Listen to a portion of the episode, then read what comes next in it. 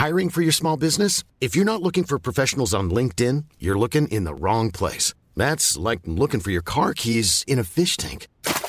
LinkedIn helps you hire professionals you can't find anywhere else, even those who aren't actively searching for a new job but might be open to the perfect role. In a given month, over 70% of LinkedIn users don't even visit other leading job sites. So start looking in the right place. With LinkedIn, you can hire professionals like a professional. Post your free job on linkedin.com slash people today.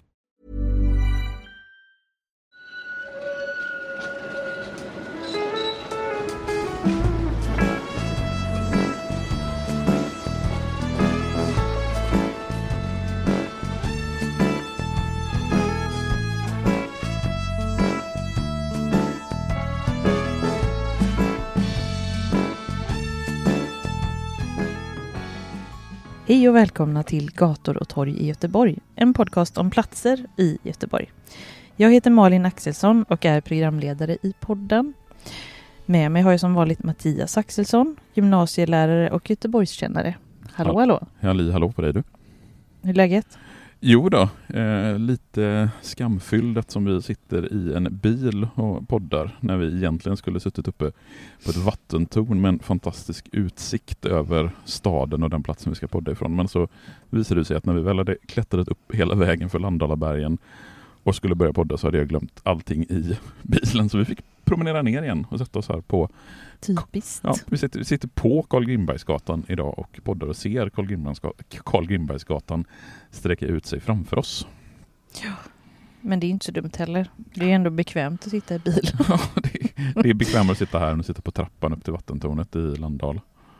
Ett fantastiskt vattentorn som man kan nå via ett par branta backar bakom eh, Carl Grimbergsgatans, vad säger man, östra del. Ja, tegelhusen på Precis. Carl Grimbergsgatan så kan man klättra sig upp eh, för branta backar för att få den här Mm. fantastiska utsikten över staden. Där vi egentligen skulle ha suttit och poddat men jag ber om ursäkt för att vi fick... Men vi låtsas ju inte nu, nu bes, alltså vi berättar ju sanningen. Ja, jo. Okej. Men vi kör lite vanlig information om Patreon.com där man kan gå in och stötta podden med ja, en liten summa varje månad som man själv kan välja. Och då går man in på patreon.com gator och, to- och torg i Goteborg. Ni kan också höra av er om ni behöver hjälp med att göra detta. Mm. Eh, Eller om ni behöver hjälp att få igång eh, eh, avsnitten i er podcastspelare. Vi ska ju säga att det funkar tyvärr inte att lyssna på Patreon-avsnitten via Spotify. Utan du måste använda en extern eh, podcastspelare i din telefon. Typ Podkicker eller Pocketcast eller något liknande. Mm. Ja, och eh, vi finns på Instagram, gator och torg i Göteborg. Mm. Och vi har också ett annat Instagramkonto som heter Det gamla Göteborg. Där Mattias brukar lägga upp bilder från då och nutid. Lite olika då och nu. Så jag säger inte vilket århundrade det är från. Nej, men jag kommer att lägga upp även där på det gamla Göteborg, Mm. lägga upp en del bilder från eh, Annedal och Yes. Carl Grimbergsgatan så som det såg ut innan saneringarna och innan Rätt. rivningarna. Så brutala bilder Mm. av en brutal renovering Mm. som vi så många gånger har sett i Göteborg. Eh, ja, men det var väl all info om eh, praktiska saker runt omkring. Så då börjar vi. Eh, du har ju redan berättat att vi är på Carl Grimbergsgatan. Och eh, den sträcker ju sig från Föreningsgatan i norr och sedan söderut till Seminariegatan och Landalabergen i söder och öster. Mm, och Det du- finns ju en karta här också som du har. Ska du lägga ut den också? Ja, det kan jag väl Den är göra. inte jätterolig men. Men om du, om du ska beskriva Carl Grimbergsgatan, för vi sitter ju precis i den sydligaste delen och ser i princip hela Carl Grimbergsgatan framför oss. Vad, vad, vad är Carl Grimbergsgatan för typ av gata? Alltså vad är det för typ av gata? Nej men om du ska beskriva den bara, Hur ser, vad, vad är det men, du ser? men du ser ju tydligt eh, det gamla möter det nya Mm. på ett väldigt brutalt sätt. Mm. Alltså på den östra sidan så har du tegelhusen, de här Gamla Två- Dicksons stiftelsehusen ja, och två trevåningshus te, i tegel, art, sent 1800-tal och sen på andra sidan om gatan så har du någonting helt annat. Var, var kommer namnet på stadsdelen Annedal som vi är i? Ja, vi har ju faktiskt aldrig pratat om Annedal tidigare i podden. Vi har ju rört oss i Annedals ytterområden. Vi har ju varit på Sveaplan och vi har varit vid Skanstorget men i själva stadsdelen Annedal har vi faktiskt aldrig varit tidigare och har därför heller aldrig pratat om stadsdelen Annedal. För Karl Grimbergsgatan ligger ju väldigt tydligt just i Annedal.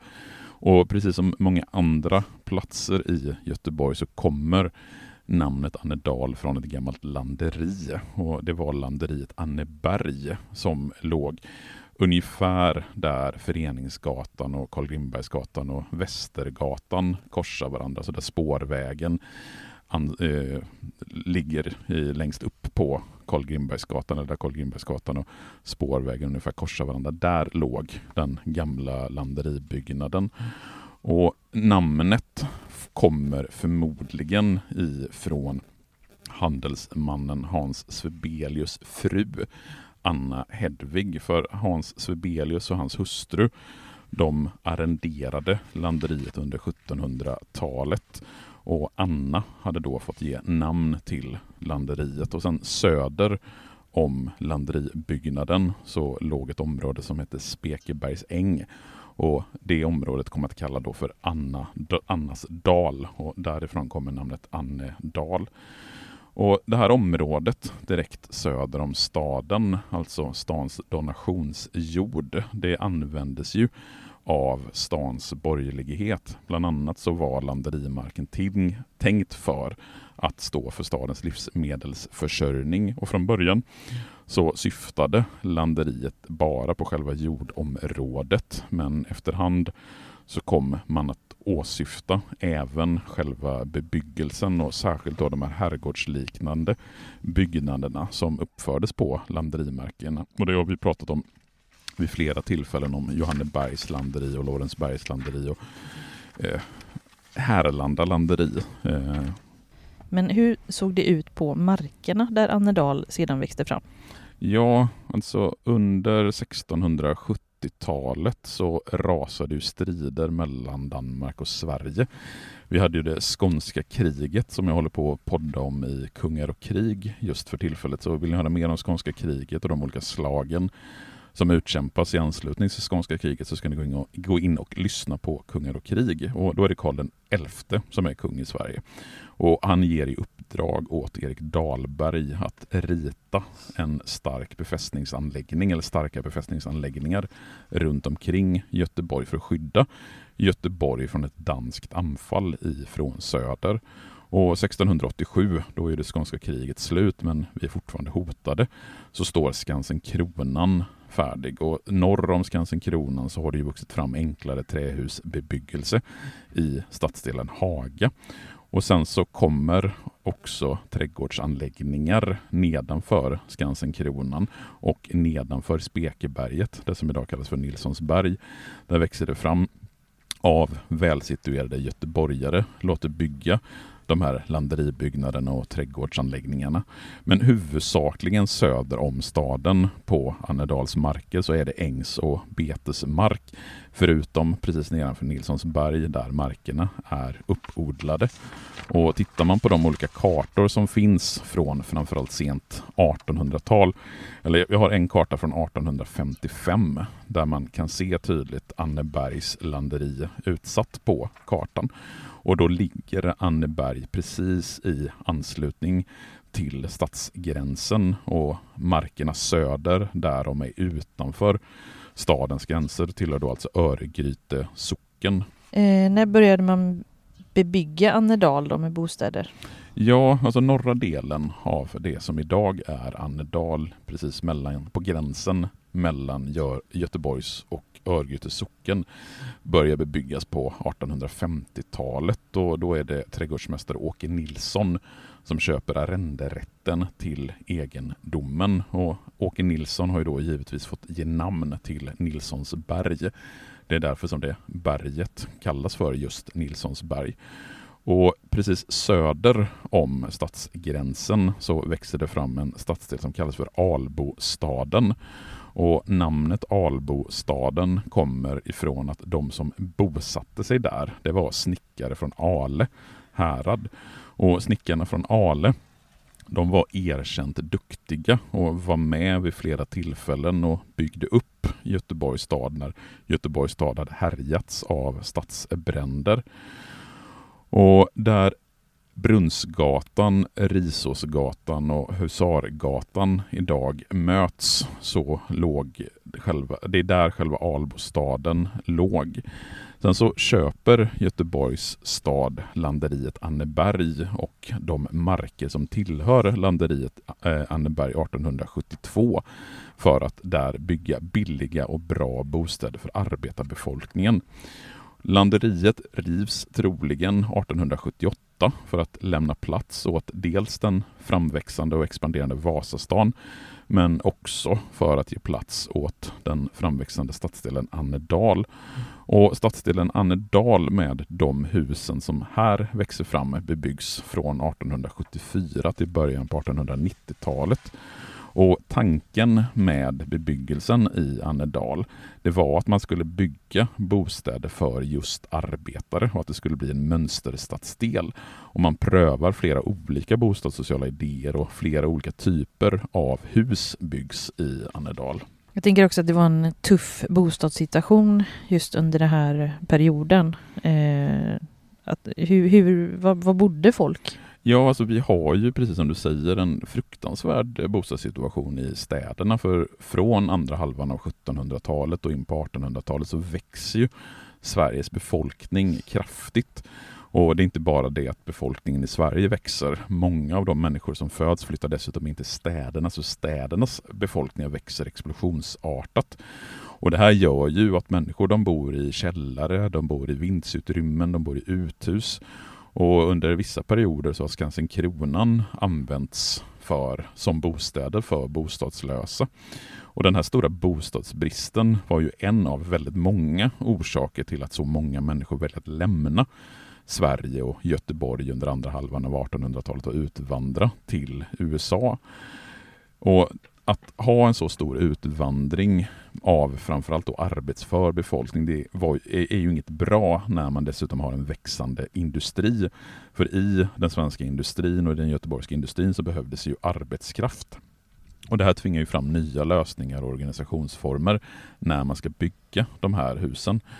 Men alltså, i slutet på 1800-talet, bostadssituationen för framförallt den arbetande befolkningen i Göteborg är ju katastrofal. Men varför hänger man inte med från eh, kommun och från statens sida? Alltså det fanns ju inte på den tiden riktigt den här, det här starka samhället som vi idag tänker oss, eller som vi åtminstone under andra halvan av 1900-talet tänkte oss. Där det offentliga väldigt tydligt går in med att bygga bostäder, utan de som bygger husen i första hand, det är privata organisationer. Det är Sparbankens byggnadsfond, det är familjen Dixon som donerar pengar för att skapa bättre och billigare bostäder. Och 1860 så grundas Robert Dixons stiftelse som vi faktiskt kan se namnet på ett av husen här precis snett framför oss. Och syftet med Robert Dixons stiftelse, det var att bygga... Den är så rolig. Att bygga hälsosamma och trevliga bostäder för gifta arbetare till rimliga priser. Ja, och just det, här, det jag tycker det är viktigt att poängtera det här. Att Anständigt det, folk skulle ja, få bo där. Ja, men det var inte för vilket löst, det var inte för vilket löst folk, alltså inte, det var inte supande ungkarlar som skulle nej. bo i de här bostäderna, utan det var liksom ordentliga gifta arbetare som skötte sig, som kunde betala hyran. Det är de som ska mm. liksom bo här. Har en liten sidostory i nutid så min umma moder, hon fick arbete på Dixons stiftelse som städerska och via dem på 90-talet så fick vi lov att hyra en lägenhet. Det var inte riktigt samma kösystem som nu. Nej. Men då fick vi faktiskt via att hon arbetade på Dixon och eh, jag vet inte om det var för att hon var gift, men det hade ju varit roligt om det var så. Då fick vi hyra en lägenhet i Landala, mm. Landalabergen som de hade. Ja, Robert Dixons stiftelse är ju fortfarande verksamt, eh, även om de kanske har fått en hel del kritik på sistone för hur de tolkar sina stadgar. Det ska vi komma till när vi mm. kommer till mer nutid om Carl men, men fortsätt du. Ja, nej men för, förutom då Robert Dixons stiftelse så fanns Göteborgs Sparbanks arbetarbostäder, Göteborgs arbetabostadsaktiebolag plus en hel del byggnadsföreningar. Och de här byggnadsföreningarna, de hade som mål att bygga bostäder för sina medlemmar. Och bland dessa bör man framförallt nämna Arbetarnas byggnadsförening som grundades tidigt och byggde faktiskt det första landshövdingehuset i Göteborg vid Albogatan och Snickaregatan i Annedal 1875 och det är precis snett framför oss där vi sitter idag. Och landshövdingehus har vi pratat om flera gånger i podden. Det var ju tanken att man skulle höja källarens bjälklag över marknivå eftersom byggnadsordningen i stan bara tillät två våningar i trä på grund av den stora brandrisken. Så då byggde man ju en våning i sten och två våningar i trä. Och Det här var ju någonting som först eh, underkändes av den tidens byggnadsnämnd men sen så godkändes det av landshövdinge Ehrensvärd och det är ju därifrån namnet landshövdingehus har kommit. Men det första landshövdingehuset i hela Göteborg byggs alltså här i kvarteret Annanassen genom Arbetarnas byggnadsförening. Tyvärr finns det ju ingenting kvar av de husen idag eh, längs med Albogatan och eh, Snickaregatan. Vi sitter och poddar om Carl Grimbergsgatan. Berätta lite om stadens sista gator och torg i Göteborg får du lyssna på. Mom deserves the best, and there's no better place to shop for Mother's Day than Whole Foods Market. They're your destination for unbeatable savings, from premium gifts to show-stopping flowers and irresistible desserts. Start by saving 33% with Prime on all body care and candles. Then get a 15-stem bunch of tulips for just $9.99 each with Prime. Round out Mom's menu with festive rosé, irresistible berry chantilly cake, and more special treats. Come celebrate Mother's Day at Whole Foods Market. Hiring for your small business? If you're not looking for professionals on LinkedIn, you're looking in the wrong place. That's like looking for your car keys in a fish tank. LinkedIn helps you hire professionals you can't find anywhere else, even those who aren't actively searching for a new job but might be open to the perfect role. In a given month, over 70% of LinkedIn users don't even visit other leading job sites. So start looking in the right place. With LinkedIn, you can hire professionals like a professional. Post your free job on linkedin.com slash people today. Nu kom en boende förbi här och pratade med oss mm. genom eh, fönstret i bilen. Ville berätta lite om Carl Grimbergsgatan. Ja, undrar vad vi höll på med här med mickarna. Mm. Men om vi ska fokusera lite specifikt på Carl Grimbergsgatan. För du har ju pratat om hela Annedal. Mm. Eh, vad, vad, kan man säga om just gatan? Ja, vi kan ju börja på den norra delen, då, den, liksom, de låga numren på Karl Grimbergsgatan. Och där har vi ju en, ett gäng tegelhus som ligger på den östra sidan. Och de första husen de kallas för Sparbankshusen och de stod klara 1873, ritade av den tyskfödda arkitekten Viktor Adler i rött tegel, två våningar omgärdade av gårdsplaner, köksträdgårdar och prydnadsplanteringar. Och namnet Sparbankshusen de kommer sig av att konsul Oskar Ekman hade en idé Eh, utifrån en, han hade liksom en finansieringsidé som han hade fått från Göteborgs Sparbank som sedan förverkligades av Göteborgs arbetarbostäder. Eh, så därav namnen Sparbankshusen. Och systemet för att få bo i Sparbankshusen det var att man mot en smärre kontantinsats blev husvärd och sedan skötte hela uppgången om fem eller sex lägenheter. Eh, kravet var att man själv skulle bo i en av lägenheterna och sen kunde man hyra ut övriga lägenheter mot att man stod för drift och underhåll. Och sen efter 20 år så fick faktiskt husvärden själv ta över hela fastigheten. Och sen efter de första fyra Sparbankshusen, varav ett som vi promenerade förbi, idag fungerar som någon typ av lägenhetshotell. Det första huset som ligger mot Föreningsgatan. Men sen byggs åt söder ytterligare tio tegelhus och i allmänhet så var det hantverkare och småhandlare som flyttade in i de här tegelhusen. De använde det som ett bekvämt sätt att skaffa sig egna hus. Och Sparande och investeringar blev på det sättet lönsamma för de som kom efter eftersom värdena på fastigheterna i Annedal ökade snabbt. Särskilt sen efter att spårvägen hade dragit fram. Jag tror att det är vid sekelskiftet som spårvägen dras fram. Och Samtliga hus i den norra delen är ju moderniserade och delvis ombyggda. Och några är bostadsrätter, en del är hyresrätter och ett av husen fungerar då som någon slags av lägenhetshotell.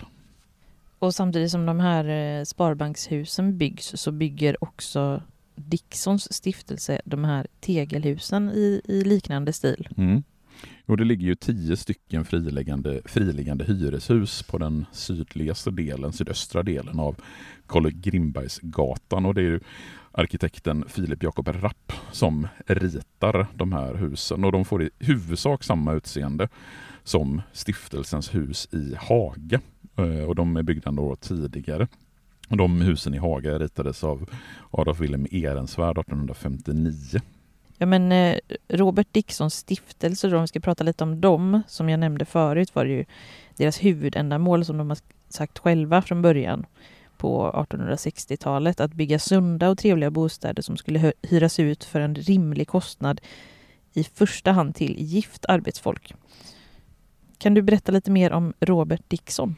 Ja, Robert Dixon. Alltså Dixon-familjen den är inte helt enkel att hålla isär för de heter ju Robert och James i princip allihopa. Det finns någon Charles och någon Oscar också. Men den Robert Dixon vi pratar om nu när vi pratar om Robert Dixons stiftelse, det är Robert Dixon den äldre som föddes 1782 i Skottland och som sen flyttade till Göteborg i början på 1800-talet där han levde resten av sitt liv tills att han dog i december 1858.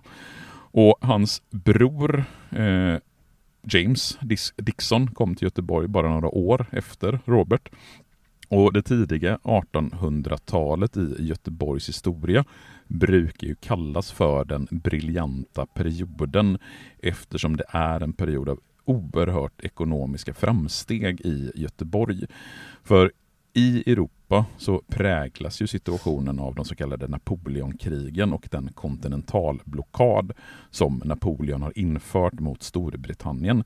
Men Göteborg ligger ju lite sådär och lurpassar och skiter i Napoleons blockad och låter britterna handla. Så Göteborg blir någonstans av eh, stapelstad för eh, brittiska varor så att britterna kan undvika den här kontinentalblockaden. Och Det är ju någonting som eh, familjen Dixon utnyttjar och de blir tillsammans med en annan skotte, Carnegie, Göteborgs rikaste och Göteborgs största handelshus med omfattande export av trä och järn och sen så importerar de kolonialvaror. Och sen utifrån den här förmögenheten som Robert och James Dixon eh, skapar sig så grundas ju Robert Dixons stiftelse två år efter Robert Dixon den äldres död. Och stiftelsen köper 1875 upp större delen av det kvarteret som kallas för kvarteret Bananen. Och det är ju där Robert Dicksons stiftelsehus ligger. Sen så byggs kvarteret ut med fyra hus längst åt söder i en första etapp. Eh, det är fyra ett ettor per våningsplan med samma lägenhetsstandard i alla lägenheter. Och De 32 lägenheter som byggs i de fyra första husen börjar hyras ut i oktober 1876. Senare samma månad så beslutar styrelsen för stiftelsen att bygga ytterligare tre byggnader och samtidigt köpa ytterligare två tomter av Göteborgs arbetarbostadsaktiebolag. Och I och med detta inköp så äger stiftelsen hela kvarteret. De tre nya husen de byggs då norr om den första husgruppen.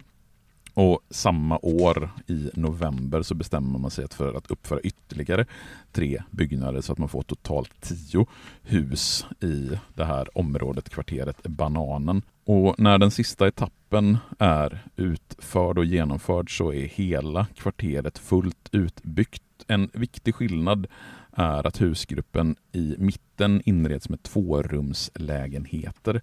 Sen så byter huset ägare på 70-talet men återgår i stiftelsens ägo 1996. Jag funderar på det där med mm, ettorna, var inte de till för ändå ensamstående kvinnor? Eh, Eller kom, blev det senare någon ny eh, policy? Liksom? Jag är väldigt, lite osäker på det. Hur, eh, för de som bor i Robert Dixons stiftelsehus idag, mm. det är väldigt mycket kvinnor som eh, bor här, åtminstone nu innan renoveringen. Men om den policyn gällde redan när husen byggs eller om det är en policy som kommer senare, det är jag lite osäker på faktiskt.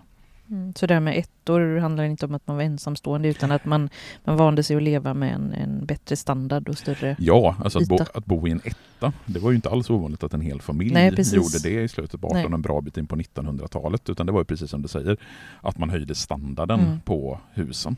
Där man kan ju ha haft någon, eh, någon, något tillfälle där man liksom hade fo- fokus på just ensamstående Mm. kvinnor och att de ju bor kvar här än Mm. idag. Ja, men eh, hur var det att bo här på den tiden?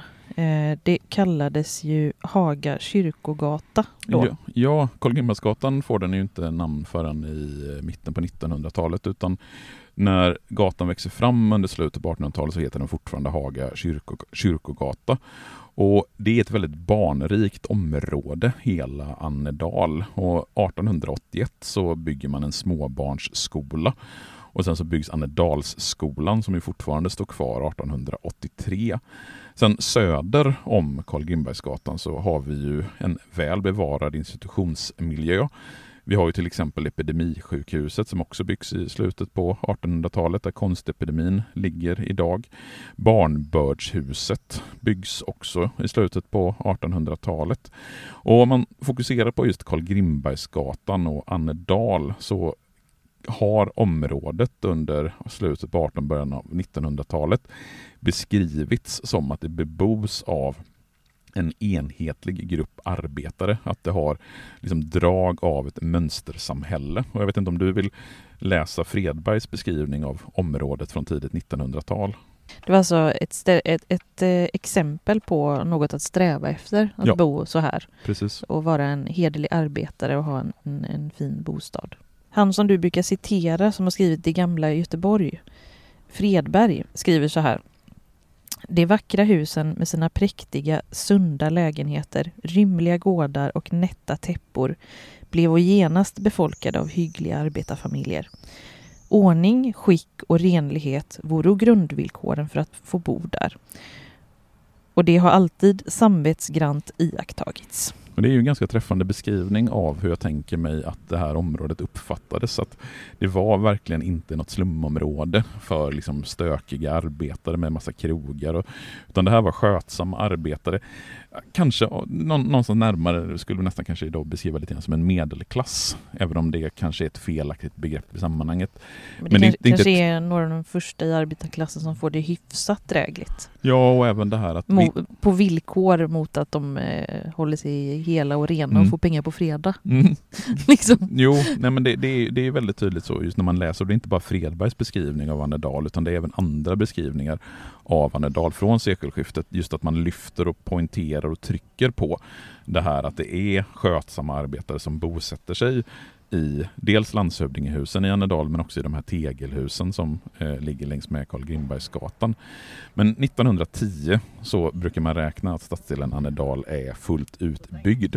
Och då är det en väldigt märklig blandning av dels de här tre landshövdingehusen på den västra sidan om Karl Grimbergsgatan och sen de här olika stenhustyperna som ligger längs med östra sidan om Karl Grimbergsgatan. Eh, 1941 så byter man namn på gatan från Haga kyrkogata till Karl Grimbergsgatan. Mm. Och varför heter den just Karl Grimbergsgatan? Vem var Karl Grimberg? Ja, alla vi som är eh, nördigt intresserade av svensk historia känner ju till eh, filosofie doktor Karl Grimberg. Den store historieberättaren, den store historieskrivaren som har skrivit praktverket Svenska folkets underbara äventyr. Eh, Karl Grimberg han föddes 1875 och under sina första 14 år i livet så bodde faktiskt Karl Grimberg just längs med den här gatan som då hette Haga kyrkogata. Eh, han bodde i ett skolhus vid lekplatsen som har tyvärr brunnit ner. Och själva gatan var hans väg både till skolan när han gick där och sen till högskolan när han började där. Och det som Carl Grimberg då framförallt är känd för det är att han har populariserat och levandegjort den svenska historien. Och han är ju en sån här typisk historieberättare från det tidiga, sena 18 tidiga 1900-talet. Där man fokuserar väldigt mycket på just kungarna och krigen och de här storslagna berättelserna. Och jag har ju Carl, Grim, äh, Carl Grimbergs Svenska folkets underbara äventyr hemma. Tyvärr så ligger den i källaren. Jag har inte fått packa upp, jag har inte plats med den i. Vi behöver köpa fler bokhyllor Du har hemma. ju typ flera tusen böcker i källaren. Jo, men de På är, riktigt. Ja, de är fantastiska. De, de finns även på digitaliserade på, på nätet. Eh, och älskar man mustigt berättande om svensk historia, då ska man verkligen djupdyka i Carl Grimbergs eh, berättelser. Men gatan hette då tidigare Haga kyrkogata men byter 1941 namn till Carl Grimbergsgatan och det är ju då under, eh, mitt under pågående andra världskrig som gatan får namnet Carl Grimbergsgatan. Och efterkrigstiden i Göteborg präglas ju på samma sätt som 1800-talet av bostadsbrist. Och eh, då börjar man sanera. Ja, då kommer de här stora stadssaneringarna. För med den växande industrin efter andra världskriget så ökar ju Göteborgs befolkning kraftigt igen. Och snart så blir det igen brist på både bostäder och byggbar mark som staden äger. 1945 så är hälften av alla lägenheter i Göteborg ett rum och kök. Så de allra flesta göteborgare bor ju väldigt, väldigt trångt när andra världskriget är slut. Och ett mål med den nya bostadspolitiken som man lanserar här, det är att avskaffa trångboddheten helt till början av 1960-talet. Och för att uppnå det här målet så tillsätter man en saneringsutredning. Och resultatet av den här saneringsutredningen det blir en ny lagstiftning och nya ekonomiska möjligheter som ger kommunen både rätt och råd att tvångsinlösa fastigheter.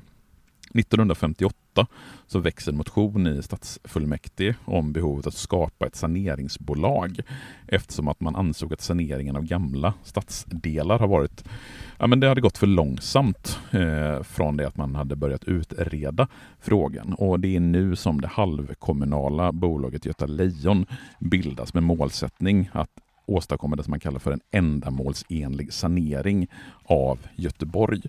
Och husen i Annedal de köps upp av Göta Lejon och ett privat byggmästarkonsortium.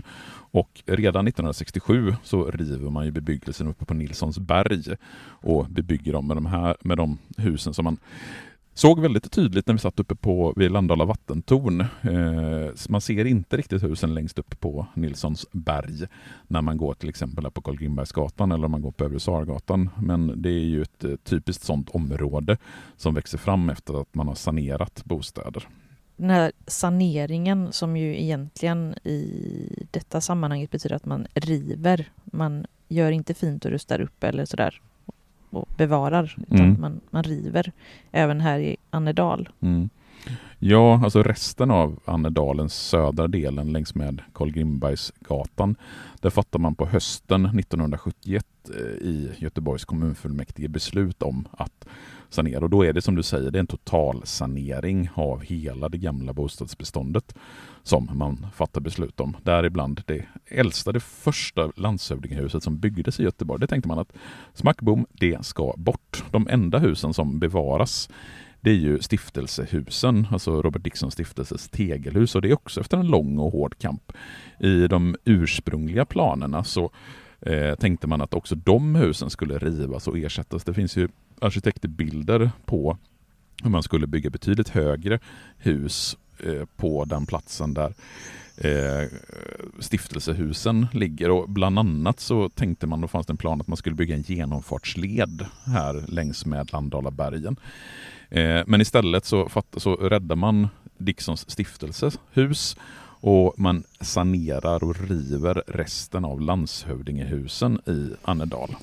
Jag tänker att det, det inte var så enkelt. Det måste ju förekommit starka protester?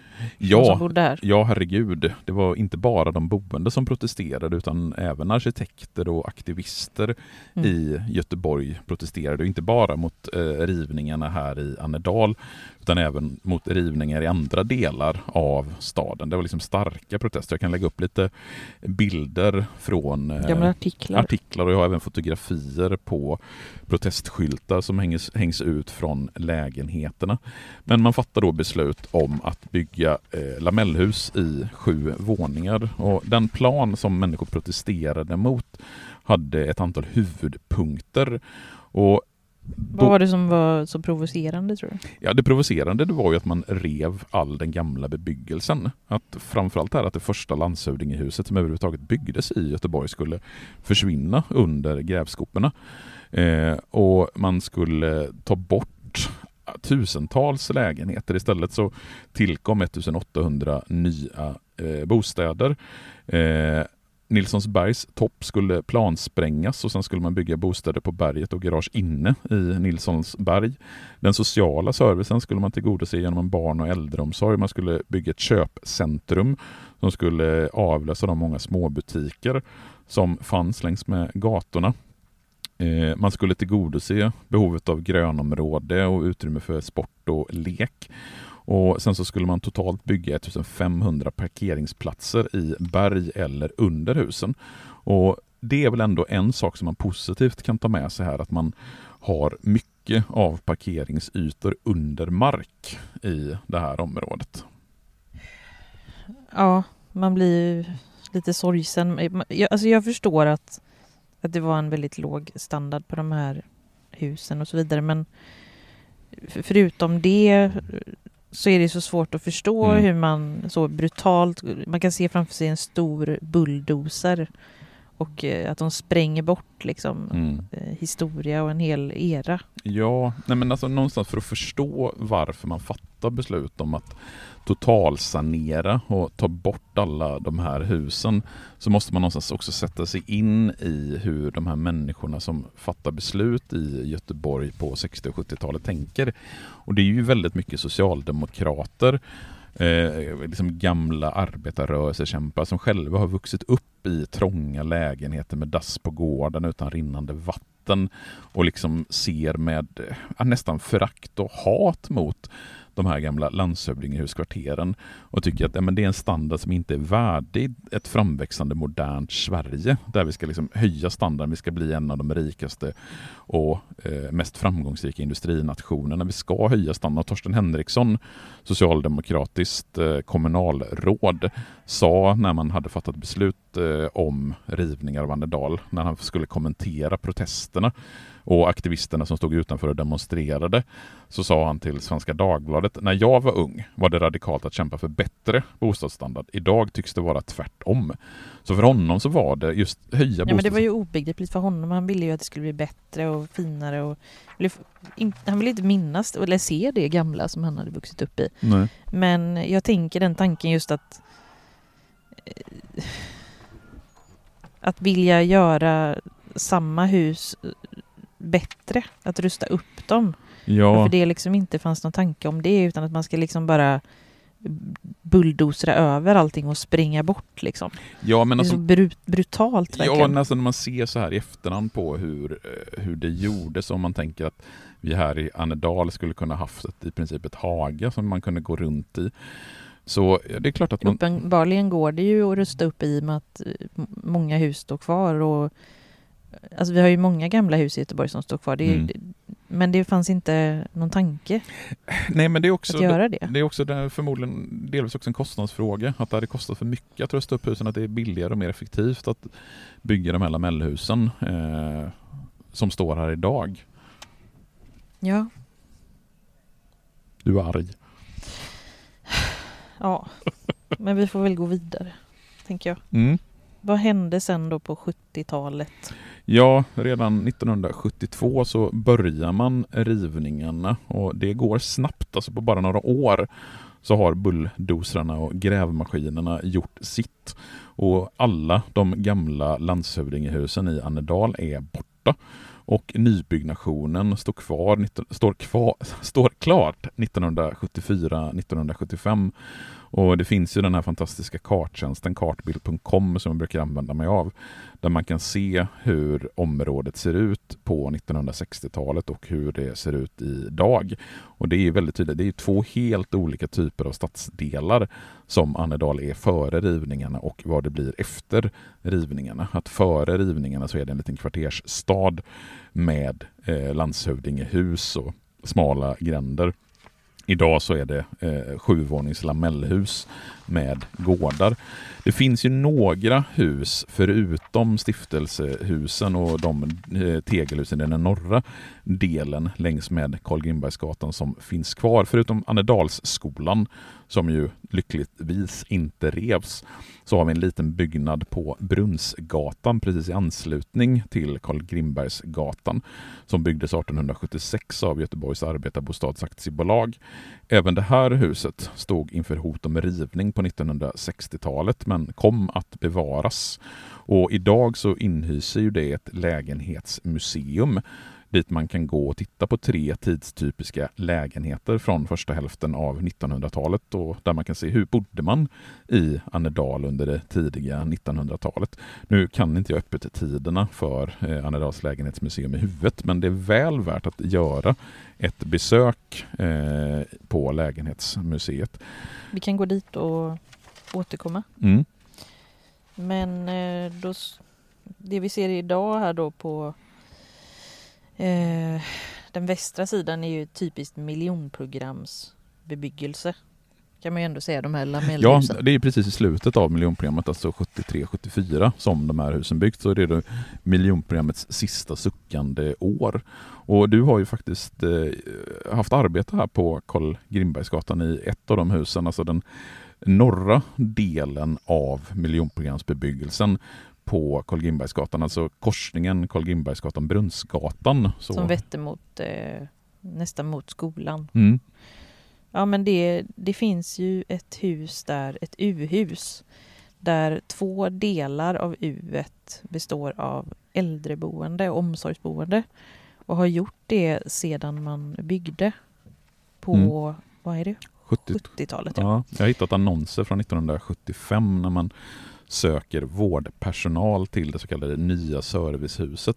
Och det var ju en ganska intressant detalj som vi slogs av när vi var uppe på Landalabergen, där uppe vid Landala vattentorn. När man tittar på taken på de här husen som ligger längs med Karl Grimbergsgatan och innanför Karl Grimbergsgatan, att eh, takvåningarna skiljer sig ganska tydligt åt. Ja, precis. På, på resten av Karl Grimbergsgatans eh, hus så har man ju byggt på en till våning, en takvåning. Mm. Och det gör ju att det här U-huset, eller Andalshuset som det kallades åtminstone då när det byggs, eh, att taken skiljer sig väldigt mycket åt. Och det säger ju också en del om hur det här Annedalshuset som då inrymmer dels, som du säger, ett äldreboende, men Jag kan läsa en artikel eh, från 1975. Eh, nu läser jag då från 1975 får ni tänka på. Handikappade får del av nytt servicehus. Ett nytt servicehus, Annedalshus, invigdes på fredagen i Göteborg.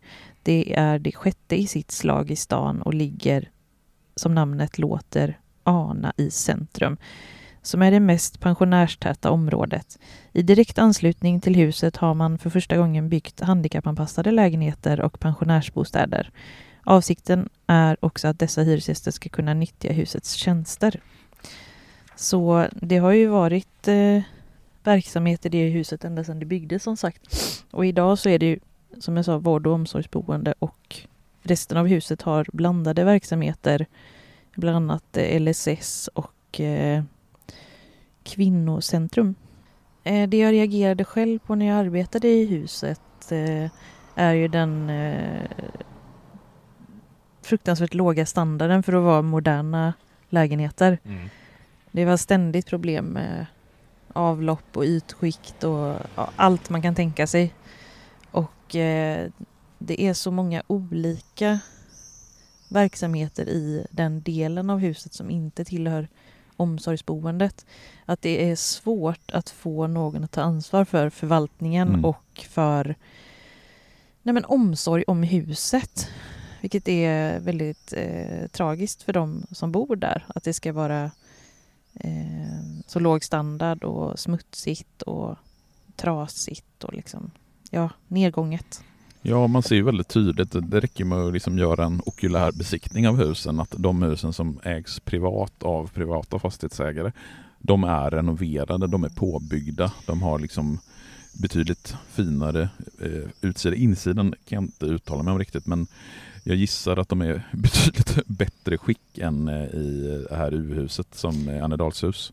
Ja, jag tror att det är lokalförvaltningen som ska eh, ta hand om huset men det verkar inte så enkelt. Jag vet att det har pratats en del om att riva det. Mm. Mång, I många omgångar har man Mm. pratat om att riva huset. Mm. För att det är så dåligt skick och är inte riktigt eh, enligt dagens standard vad det gäller brandsäkerhet. Vi får se vad som händer med det. Ja.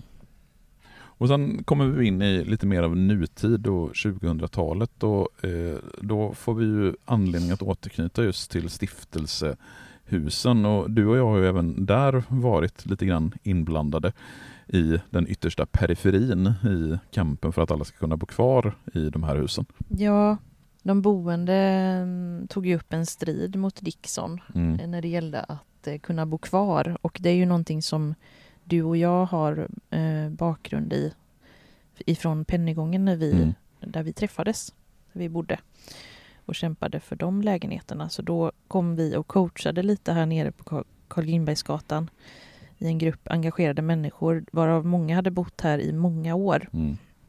och eh, blev ju lamslagna av den här eh, hyreshöjningen som skulle bli och själva innebörden av renoveringen var inte alls så som man hade tänkt sig.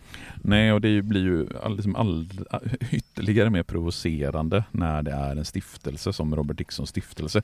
Jag känner mig liksom en, att de går emot sina egna stadgar när Ja, man alltså- då tvingar folk att flytta därifrån. Ja, om syftet är liksom att mindre bemedlade ska kunna bo liksom bill- under billiga villkor och att det har varit mycket just ensamstående kvinnor och fattigpensionärer med låga inkomster som har fått bo här. Arbetarklass från början. Liksom. Ja, men problemet är ju att stiftelsen argumenterar ju för att arbetarklass, dit räknas alla som har ett arbete.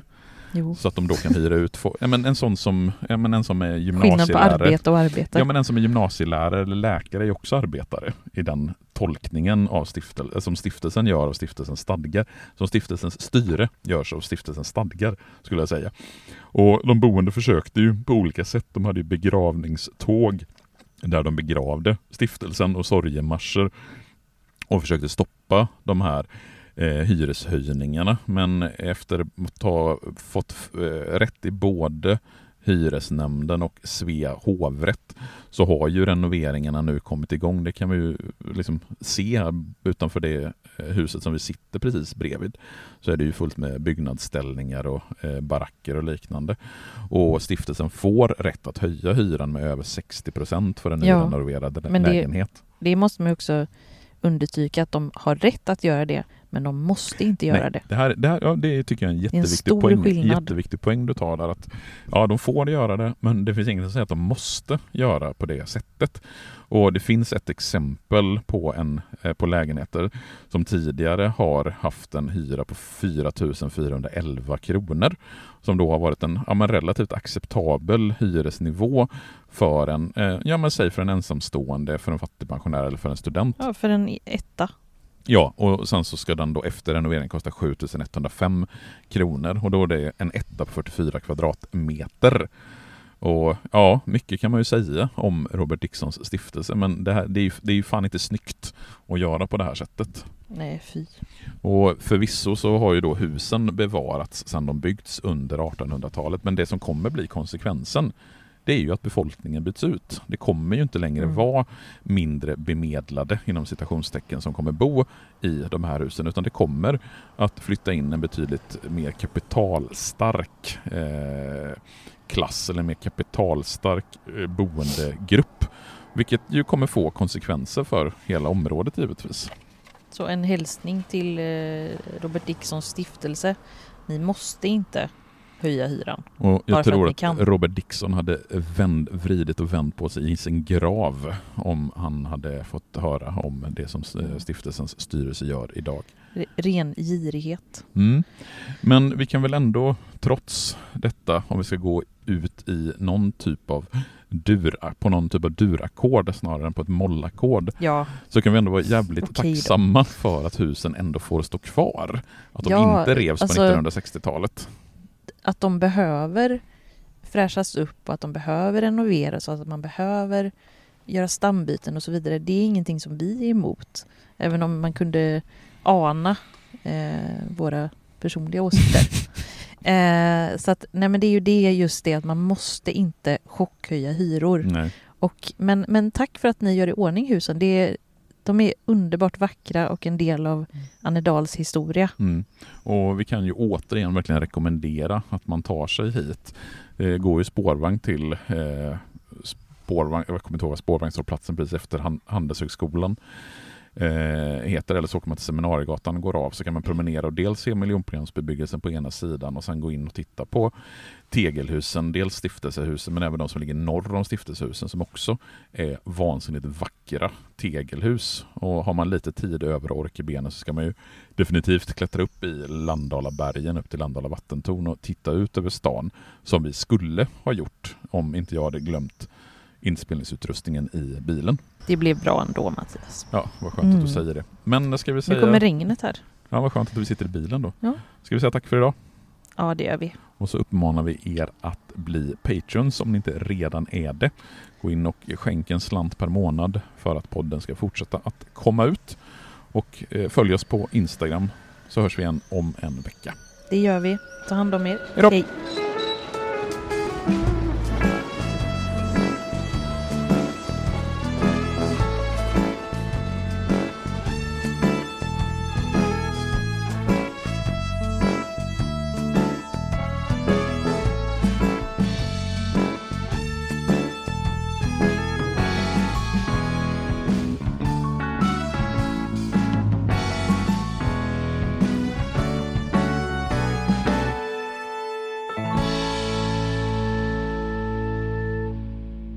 Gator och torg i Göteborg produceras av Reostat Media AB.